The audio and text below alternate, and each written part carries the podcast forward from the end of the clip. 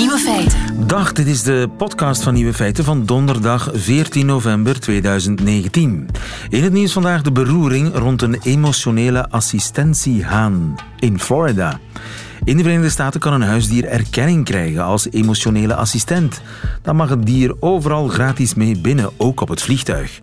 Er waren al erkende emotionele steunhonden, steuneenden, steunvarkens, steunpauwen en steunkangoeroes, maar een steunhaan is toch nieuw. In de wijk waar het dier woont is er een probleem, want het is er verboden om hanen te houden. Maar dat verbod geldt natuurlijk niet voor een erkend assistentiedier. De haan begint om drie uur s'nachts al te kraaien en de buurt begint haar geduld te verliezen. Als hij dan toch emotionele assistentie moet leveren, waarom doet hij dat dan niet binnen? Is de vraag. De nieuwe feiten vandaag. Hoe duurder de whisky, hoe zwaarder de fles.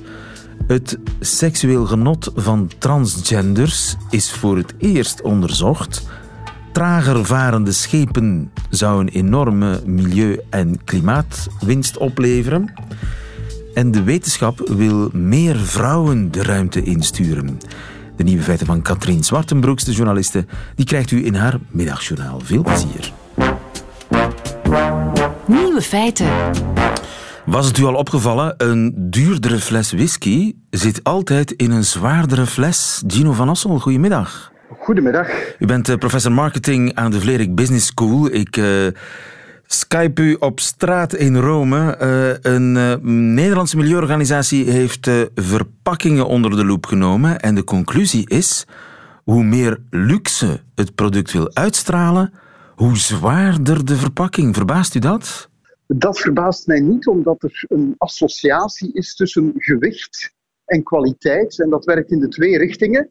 Als iets te licht is, dan kan het niet goed zijn. Overal krijgen we gratis balpennen. Hoe duurder het merk is, hoe zwaarder die gratis balpen gaat zijn.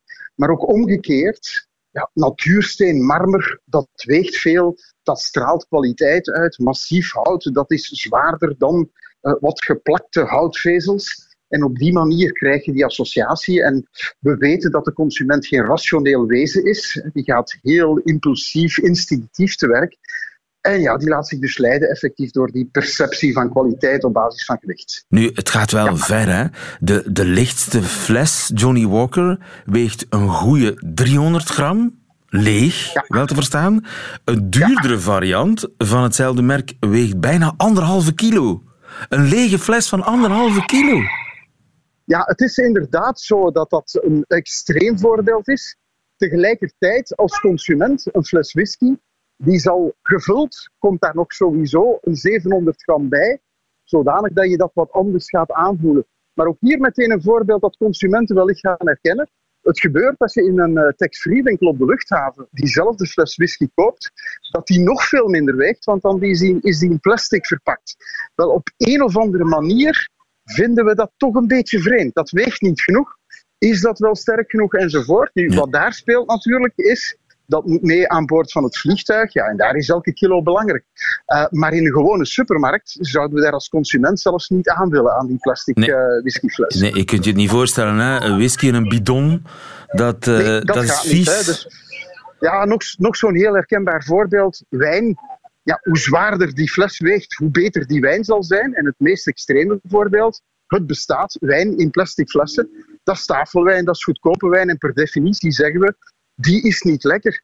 Ja, voor wijn die je jong drinkt, slaat dat eigenlijk nergens op. Je zou die net zo goed uh, in plastic kunnen verpakken. En nog een voorbeeldje. Als je op restaurant een cola of een watertje bestelt, dan gaat men dat brengen in uh, een glazen fles en ook een klein flesje. Dat heeft toch net dat tikkeltje meer standing dan de petfles die we thuis drinken. Dus als consument, ja, laten we ons daardoor leiden. Ja, we krijgen het gevoel dat we meer waar voor ons geld krijgen, maar in werkelijkheid krijgen we gewoon meer verpakking. Dat is eigenlijk zo. Nu, meestal gaat het product ook wel verschillen natuurlijk. Hè. Die whisky is anders. Ook daar gaan sommige mensen zeggen, ja, uh, die ene whisky is duurder, maar is die ook beter? Uh, het zou best kunnen dat het gros van de mensen het verschil niet eens proeft. Andere kenners gaan dat misschien wel doen. Maar het is het totaalplaatje dat belangrijk is. Het is het gewicht van de fles het verhaal dat er rond verteld wordt, maar laten we niet vergeten ook de prijs die je betaalt. Hè. Uh, hoe gaan wij beoordelen of een wijn lekker is dat is de prijs die we ervoor betalen. Een dure wijn moet beter zijn. Een dat dure wijn, ja, eigenlijk ook weer nergens op. We hebben ervoor betaald. Nu, zijn daar geen regels voor? Mag dat allemaal? Dikke verpakkingen, dikke zware flessen? Wel, Europa uh, loopt voor de troepen uit. Dat betekent dat zij al meer dan 25 jaar geleden een richtlijn hebben uitgevaardigd waarbij zij verpakking uh, willen terugdringen. En dat betekent minder verpakking, meer gerecycleerd enzovoort. Waarom zeg ik lopen ze voor de troepen vooruit? Vandaag heeft iedereen de mond vol van duurzaamheid en, en uh, het milieubehoud. Dat was toen nog veel minder het geval. Die richtlijnen moeten omgezet worden in een nationale wetgeving, maar daar zijn uitzonderingen op. Dus de bedoeling is minder verpakking, maar tegelijkertijd, het moet aanvaardbaar zijn voor de consument. En er zijn uitzonderingen. En dus een van die uitzonderingen zijn net luxe producten die beantwoorden daar niet aan. En nog een voorbeeld, geneesmiddelen vallen daar ook buiten. Als je er goed over nadenkt, pilletjes zijn per stuk verpakt in een strip. Uh, met plastic en dan nog wat uh, aluminiumfolie en al dat soort dingen. Dat is absoluut niet milieuvriendelijk. Waarom doen we dat? Ja, dan kan je goed volgen of dat je al je pilletje hebt genomen of niet. Maar eigenlijk is dat niet milieuvriendelijk. Wel, Europa voorziet daarvoor een uitzondering.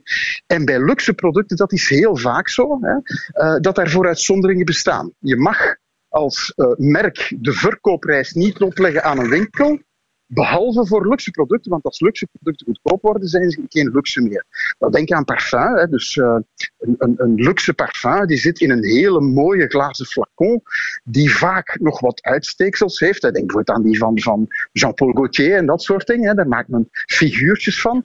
Ja, dat is niet milieuvriendelijk, maar dat is nu eenmaal onderdeel van het merk. En dat wordt dus ook aanvaard door Europa. Ten slotte, ook kleine verpakkingen vallen daar buiten. Ehm, wat is daar een stukje de verklaring? als de verpakking te klein wordt, dan zie je ze niet, dan wordt het gemakkelijk om het te stelen enzovoort.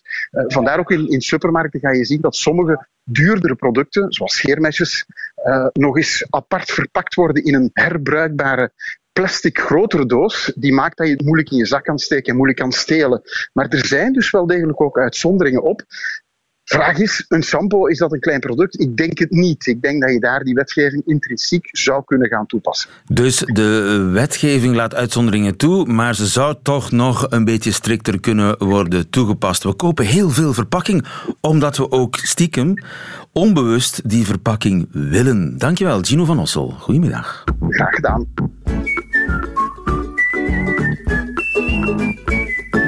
Feiten. De tijden veranderen voor iedereen, maar voor transgenders veranderen ze wel heel snel. Want de voorbije jaren zijn ze veel zichtbaarder geworden, trotser ook, blijer, mainstream zeg maar. Ze zijn professor, politicus, tv-journalist. Toch blijft er één ding een beetje taboe. Met name hun seksleven. Els Eloud, goedemiddag. Goedemiddag, lieve. Je bent psycholoog bij het genderteam van het UZ. Ja, het uh, seksueel welbevinden van transgenders is nu onderzocht en daar was tot nog toe weinig aandacht voor. Hè? Hoe komt dat? Er was inderdaad tot nog toe enorm weinig aandacht voor ik vermoed ergens dat dat vooral te maken heeft met het feit um, dat het hele beeld van transgender personen uh, toch wel een aantal jaar wat gelinkt is geweest aan uh, dat mensen dat zouden gaan doen om seksuele motieven, terwijl dat eigenlijk toch echt wel om identiteit gaat. En nu dat dat onderwerp, zoals je inderdaad net aangeeft, toch wel heel wat toegankelijker is geworden, bekender is geworden, dat dat ons eigenlijk ook wel wat de mogelijkheid heeft gegeven om te kijken naar dingen die natuurlijk even belangrijk zijn. Hè zoals seksualiteit. Ja, want ja, hoe doe je dat, hè? Vrijen met een nieuw van de dokter gekregen geslachtsorgaan. Ja, en zelfs voor dat geslachtsorgaan er inderdaad ook uh, is, hè, want ook niet iedereen beslist om uh, genitale chirurgie te laten uh, uitvoeren. En dat is eigenlijk net zo uniek geweest, ook aan de studie die wij nu hebben uitgevoerd, dat wij eigenlijk voor het eerst ooit ook mensen hebben bevraagd die eigenlijk geen enkele medische interventie hadden ondergaan. Ja, want zo zijn er ook veel, hè, natuurlijk. Absoluut, absoluut. Het was niet altijd eenvoudig om die mensen te vinden en ook te bevragen, maar we hebben daar ons zeker ook op gericht. En zijn die blijer, gelukkiger seksueel dan hun lotgenoten die wel een operatie hebben ondergaan?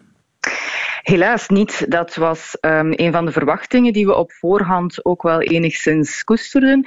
Maar zelfs tot onze verbazing uh, zagen we dat de groep die inderdaad zich een aantal jaren uh, had aangemeld in de zorg, maar om wat voor reden dan ook uiteindelijk geen medische interventie had ondergaan, dat dat de groep was die nu net meest frequent seksuele klachten rapporteert. Dus dat is net een groep die ons toch een beetje zorgen moet baren. Aha, en hebben we daar een verklaring voor? Wel, we hebben in deze studie niet expliciet gevraagd naar de redenen daarvoor. De studie was heel breed opgezet en ging niet louter over seksualiteit. Maar we hebben daar uiteraard wel een vermoeden van op basis van onze klinische indrukken en dagdagelijks in onze gesprekken met mensen.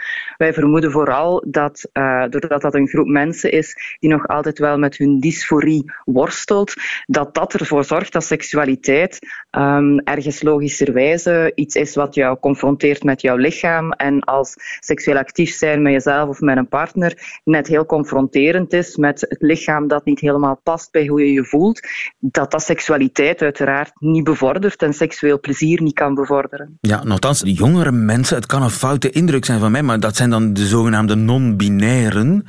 Die, mm die willen niet eens meer uh, helemaal vrouw of helemaal man worden. Die, die zeggen, ja, ik ben iets tussenin. En er is zelfs een, een beroemde quote van een, een Amerikaanse jonge actrice die zichzelf een tijd lang toch in elk geval als vrouw, en die er ook heel vrouwelijk uitziet, maar die wel een piemel heeft, zegt ik heb een vrouwelijke piemel. Mijn piemel is een... Ik ben een vrouw, dus mijn piemel is een vrouw. Dat klopt, dat klopt. We, we gaan eigenlijk naar uh, meer een beetje loskomen van, van hoe een anatomie eruit ziet en de klassieke woorden die we gebruiken. Hè, dat, dat we inderdaad dat mannen een penis hebben, dat vrouwen per definitie een vulva en een vagina hebben. Dat zijn zaken die we langzamerhand een beetje aan het loslaten zijn. Het zal nog wel wat tijd vergen, ja. vooraleer vele mensen dat doen. Um, maar uh, voor heel wat mensen is dat inderdaad een evidentie aan het worden. Ja, en dat zou eventuele huidige problemen in de toekomst wat kunnen Dat mensen anders gaan staan tegenover hun geslachtsorgaan, hun natuurlijke tussen geslachtsorganen. Als ik dat bekijk als seksuoloog en, en ik kijk naar inderdaad waar mensen mee worstelen en wat we nu inderdaad ook bevestigd hebben gezien aan klachten die er toch echt nog wel zijn, dan, dan vind ik inderdaad daar dat daar een stukje de oplossing ligt. We zitten helaas in een maatschappij die, die zoals seksologen dat benoemen, heel fallocentrisch denkt. Hè, wat, wat wil zeggen dat seksualiteit heel vaak wat gereduceerd wordt hè, tot als je het letterlijk zou gaan benoemen penis- en vagina-penetratie, terwijl ja, seksualiteit uiteraard tot veel, over veel meer gaat. Um, en dat heel dat idee van dat dat enkel seks is met bepaalde uh, lichamen in een heteroseksuele norm, het is eigenlijk een beetje dat beeld loslaten dat wij vermoeden dat heel wat mensen zou kunnen helpen, niet alleen transgender personen trouwens, ik zeg dat even goed aan cisgender personen in mijn seksologie-consultaties, dat dat beeld loslaten ons heel wat seksueel plezier extra zou kunnen gaan opleveren, want die normen helpen ons helaas niet vooruit in de slaapkamer. Ja, maar nu hebben we het over mensen die zich niet hebben laten opereren. Uh, even mm -hmm. terug naar, naar ja, die, die nieuwe geslachtsorganen, die, die ja, reconstructies, zeg maar. Uh, heel veel mensen durven dat niet te vragen, maar kun je met zo'n nieuwe piemel, nieuwe vagina, kun je klaarkomen? Dat is inderdaad wel zeker mogelijk. Um, uiteraard hangt alles af van hoe de operaties kunnen verlopen. Uh, maar niet alleen medische factoren spelen daar een grote rol in. Uh, seksualiteit is natuurlijk voor een heel groot deel ook een mentaal proces. Um, maar die, die organen die inderdaad na genitale chirurgie uh, daar dan aanwezig zijn, bieden zeker heel wat mogelijkheden. Maar we moeten tegelijkertijd natuurlijk ook erkennen dat de chirurgie vandaag, hoewel we zeer dankbaar zijn voor wat er kan en allemaal mogelijk is, dat dat nog altijd wel grenzen heeft. Ja. Uh, voor de transvrouwen valt dat relatief goed mee in de zin dat, je, uh, dat daar heel wat uh, mogelijkheden zijn, dat daar ook zelden medische complicaties bij komen. Bedoel je dat de zenuwuiteinden die op, bij de eikel aankwamen, dat die ergens een nieuwe bestemming krijgen in het nieuwe geslachtsorgaan? Klopt, het is inderdaad zo dat vooral bij transmannen, dus bij een operatie waar men een penis creëert, dat voornamelijk die chirurgie technisch heel moeilijk is, dat daar uh, statistisch gezien wat vaker uh, complicaties bij optreden, dat het ook niet zo eenvoudig is om een orgaan te creëren dat zowel esthetisch als functioneel helemaal ja, werkt als een andere penis. Hè.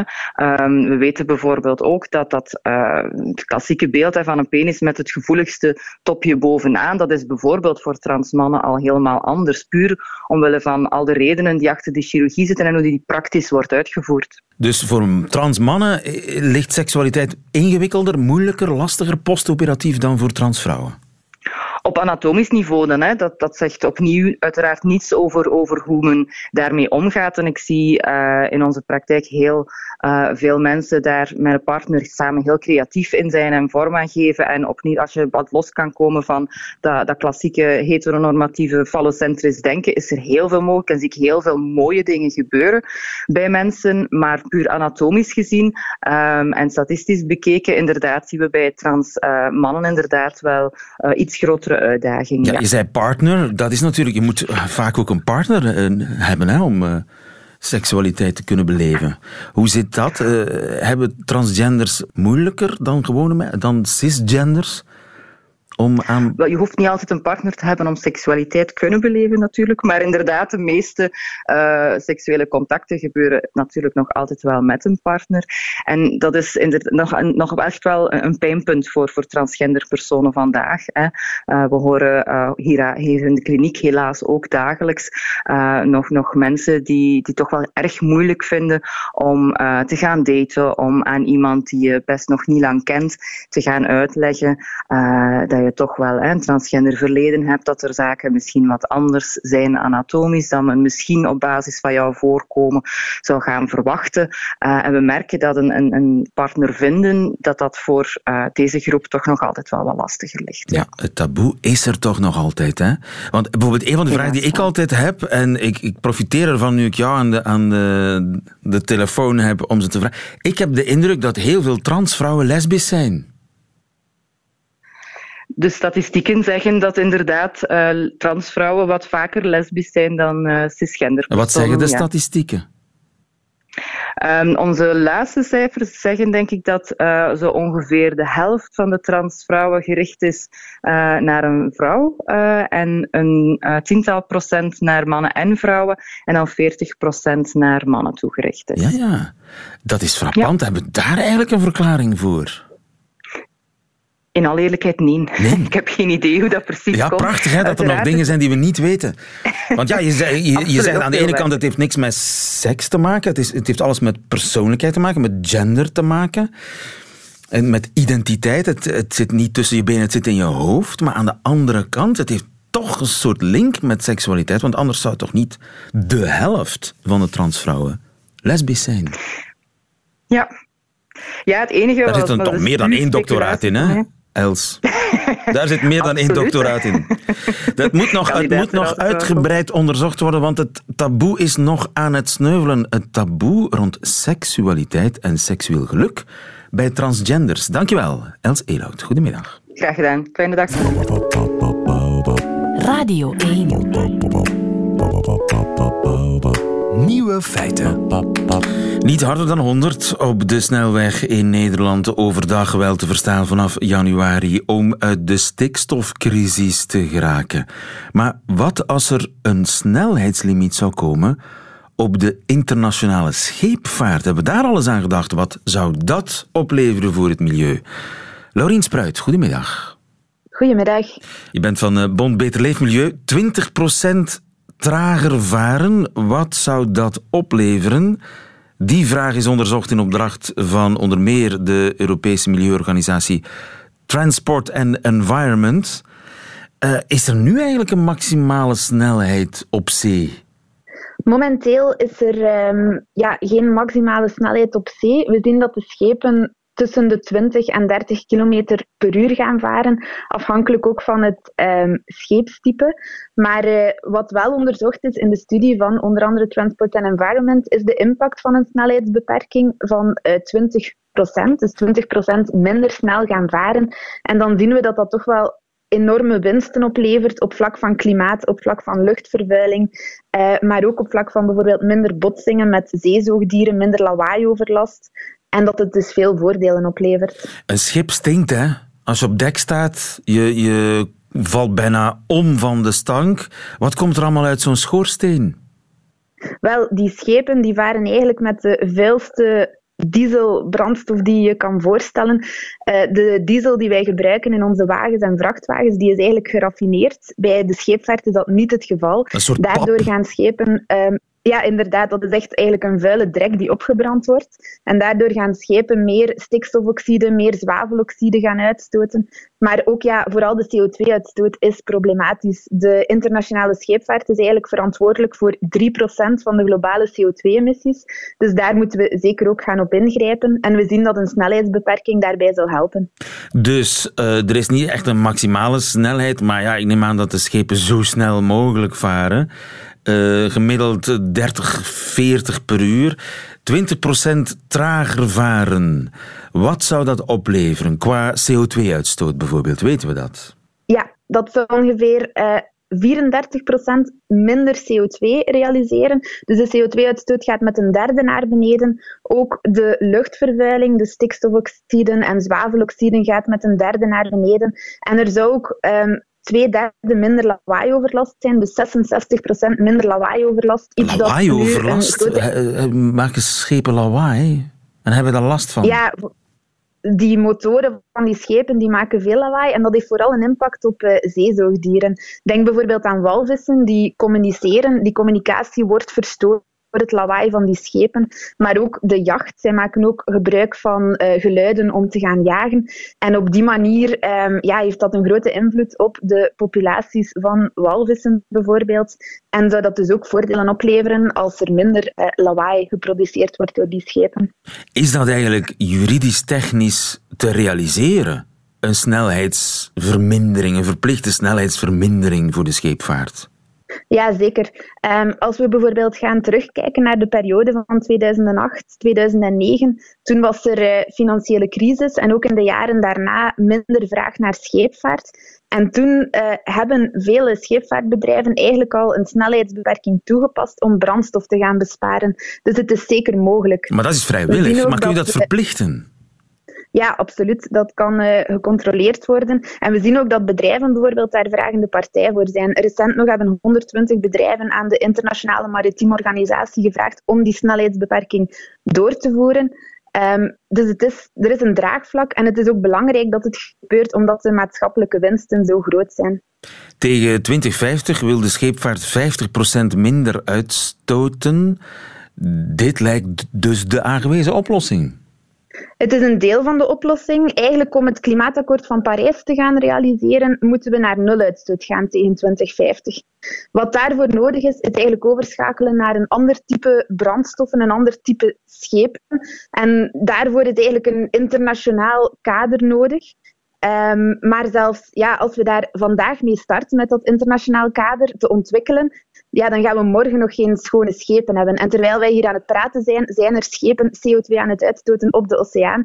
Dus kunnen we maar beter al maatregelen doorvoeren die simpel zijn, die vandaag al gaan. En dat is bijvoorbeeld een snelheidsbeperking. Dus het is een eerste stap. Er is meer nodig, maar we moeten het zeker doen, omdat elke stap uh, helpt. Ja, het is me nog niet helemaal duidelijk wie die snelheidsbeperking kan opleggen.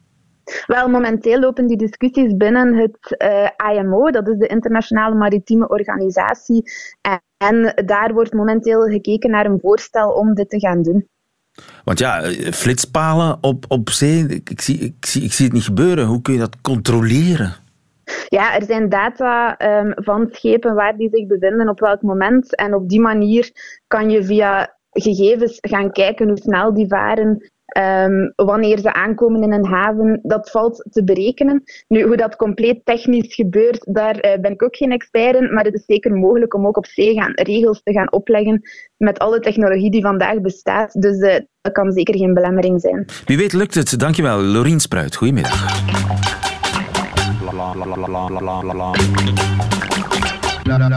Nieuwe feiten.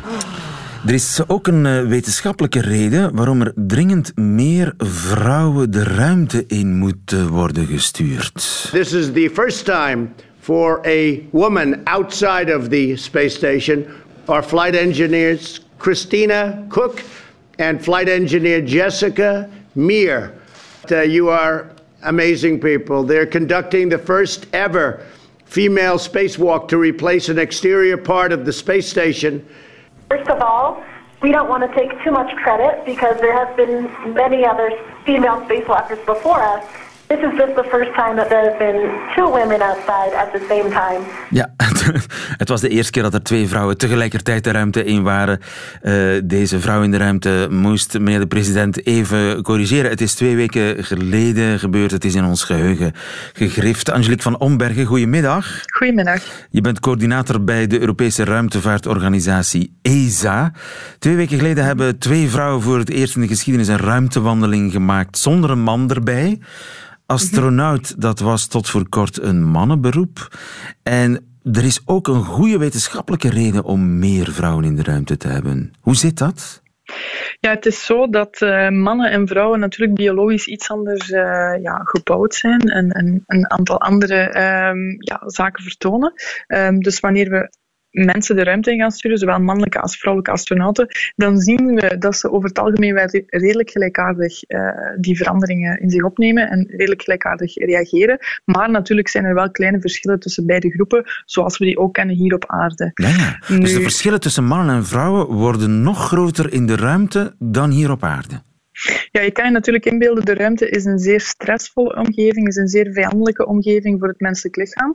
Dus als er al verschillen zullen zijn op aarde, dan is natuurlijk de kans er wel dat die verschillen misschien iets groter gaan worden wanneer dat lichaam onder uh, grote stress wordt gezet, zoals het geval met een ruimtereis. En noem eens zo'n opvallend verschil. Wel, er zijn verschillende kleine dingen die we, die we opmerken. Eén uh, opvallend verschil is bijvoorbeeld de visuele problemen die astronauten uh, kunnen ontwikkelen na een langdurige ruimtereis. En we zien dat mannen daar eigenlijk gevoeliger zijn om die oogproblematiek uh, te gaan ontwikkelen dan vrouwen. vrouwen zijn iets meer beschermd, onder andere ook door hormonen. Um, maar natuurlijk beschikken we over heel weinig data. Maar we zien wel dat bijvoorbeeld bij mannen dat dat iets meer uitgesproken is dan bij vrouwen. En wat is dat voor visuele problematiek? Worden ze bijziend, verziend, blind? Wel, blind is uh, zeker niet, niet het geval. Wat we zien is dat er zowel veranderingen uh, optreden in de oogbol en de oogzenuw zelf, en anderzijds echt visueel kunnen ze ook minder goed gaan zien. Dat is vooral uh, ja, verziend, maar ook bijziend. Het kan een beetje van beide zijn. en mannen zijn daar dus iets gevoeliger aan dan aan ah, vrouwen. Ja, dus eenmaal terug op de aarde hebben ze een nieuwe bril nodig. Ja, dat is in sommige gevallen inderdaad. Uh, en bij mannen is dat effect sterker dan voor vrouwen? Dat is wel bijzonder, hè? Dus, en dat is een hormonaal uitlegbaar verschil. Niet alleen hormonaal, dus we mogen het daar zeker niet tot reduceren, maar uh, bepaalde vrouwelijke hormonen zorgen wel voor een zekere be uh, beschermende factor. Anderzijds zijn er ook een aantal verschillen die ervoor zorgen dat vrouwen eigenlijk uh, ja, iets, iets beter beschermd zijn tegen dat mechanisme. Zij hebben iets meer buffer, zal ik maar zeggen, om die visuele veranderingen niet te ontwikkelen. Maar beide geslachten worden even gewichtsloos, hè? toch, in de ruimte? Ja, dat klopt. En worden ze daar allebei even ruimteziek van? Nee, ook uh, dat uh, zien we weer een klein verschil. Uh, het verschil is niet groot, maar we zien dat bijvoorbeeld bij vrouwen, die zijn net iets meer gevoelig om die ruimtereisziekte te ontwikkelen. Vooral wanneer ze de ruimte ingaan, maar dat, dat, verschil is redelijk klein. Ongeveer de helft van de vrouwen ontwikkelt dat en ja, iets minder van de mannen. Um, die ruimtereisziekte, dat kan je echt vergelijken met een, een, reisziekte die je hier op aarde hebt. Je misselijk voelen, beginnen zweten, je algemeen niet zo heel goed voelen. Um, en dat is natuurlijk wel iets ja, dat wel belangrijk is om ook te identificeren en te zeggen dat zien we meer bij vrouwen. Maar als je dan terugkeert naar de aarde, dan wordt het net andersom. Dan zijn mannen er iets gevoeliger aan dan, dan vrouwen. Dus je ziet, het zit soms in heel kleine dingen um, dat we die verschillen kunnen opmeten. En hoe zit het met de vruchtbaarheid van mensen in de ruimte? Ja, dat is een heel goede vraag. En dat is natuurlijk een vraag die, die veel mensen zich stellen. Um, als we het gaan hebben over het voortplantingssysteem, is er nog maar zeer weinig onderzoek gedaan. Um, maar als we kijken naar de factoren van een ruimtereis die daar een invloed op zouden kunnen hebben, dan denken we natuurlijk aan het feit dat er geen zwaartekracht in werkt op het menselijk lichaam. En anderzijds uh, kosmische straling, uh, waaraan astronauten blootgesteld worden. Um, en dat beide kan natuurlijk een, een, ja, een invloed gaan hebben op het voortplantingssysteem en misschien een negatieve invloed zelfs. Um, nu, als we gaan kijken naar de data die er zijn, dan hebben ze nog maar zeer weinig uh, data voorhanden. De zaadcellen van mannen zouden wel uh, aangetast worden, maar in welke uh, mate of in welke extremiteit, dat is, dat is niet volledig duidelijk. Um, en natuurlijk, vrouwen zijn dan weer gevoeliger, bijvoorbeeld voor urineweginfecties. Um, en over het algemeen is, is, er nog maar zeer weinig geweten over de vruchtbaarheid bij vrouwen. Um, er zijn vrouwelijke astronauten die achteraf nog kinderen gekregen hebben nadat ze een ruimtereis hebben gedaan. En daar zijn geen, geen rapportering is van problemen of noem maar op. Maar dat blijft natuurlijk zeer anekdotisch. Ehm, dus dat is iets dat we echt zeer actief en, en specifiek moeten onderzoeken als we daar meer over willen kunnen zeggen. Ja, en daarom moeten er dringend meer vrouwen de ruimte in. Dankjewel, Angelique van Ombergen. Goedemiddag. Ja, graag gedaan. Nieuwe feiten. Radio 1. Dat waren de nieuwe feiten van vandaag, 14 november 2019. Alleen nog die van journaliste Katrien Zwartenbroek heeft u te goed in haar middagjournaal. Nieuwe feiten. Middagjournaal. I read the news today. Oh boy. In het Waasland verenigt een veredelde boyband latent racisme en muzikale heiligschennis door als The Beatles de eerste week van december roetzwarte kleuren. Een man met de niet mis te verstaande naam Fire on Demand informeert mensen over de asielcentra waar alleenstaande mannen verblijven die zogenaamd de buurt verzieken. En 46% van de Belgen voelt zich soms tot altijd eenzaam. Maar ook dit. Een kleuter zit met buikkrampen omdat ze al een hele week om prinsessenbonen zeurt sinds ze weet hoe die groene dingen heten. En een meisje adopteerde een zwarte kat met een wit snorretje die Hercule heet. Op een bepaalde manier brengt het rust wanneer een huisdier de juiste naam en de juiste thuis heeft gekregen. In het digitale tijdperk valt er als journalist heel wat nieuws te rapen op sociale media als Twitter, een bron van informatie voor iedereen die uit zijn bubbel of zijn sleur wil breken. Ik leer er dat wanneer een man hand in hand met zijn mannelijk lief over straat zou lopen, hij de klappen die hij anno 2019 nog steeds riskeert, eigenlijk wel verdient. En dat zijn vader er wat extra meppen bovenop zou doen. Ik leer dat als je geen wasbeer als huisdier mag, je ook gewoon streepjes op de staart van je hond kan schilderen. En dat de Carrefour aan het station van Leuven gebakken loopbroodjes verkoopt. Dat is belangrijke informatie blijkbaar, want goed voor meer dan 100 likes.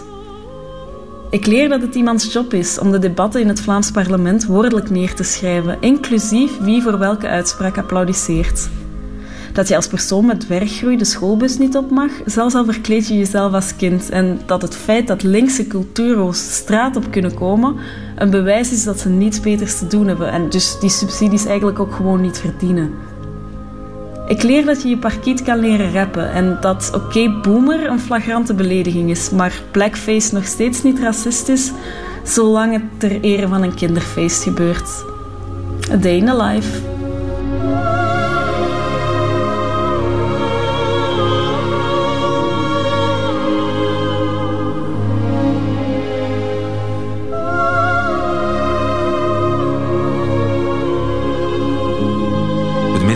Met Katrien Zwartenbroeks. Einde van deze podcast hoort u liever de volledige uitzending met de muziek erbij. Dan kan dat natuurlijk op onze app, de Radio 1 app of de website van Radio 1. Daar vindt u overigens nog veel meer fijne podcasts. Tot een volgende keer.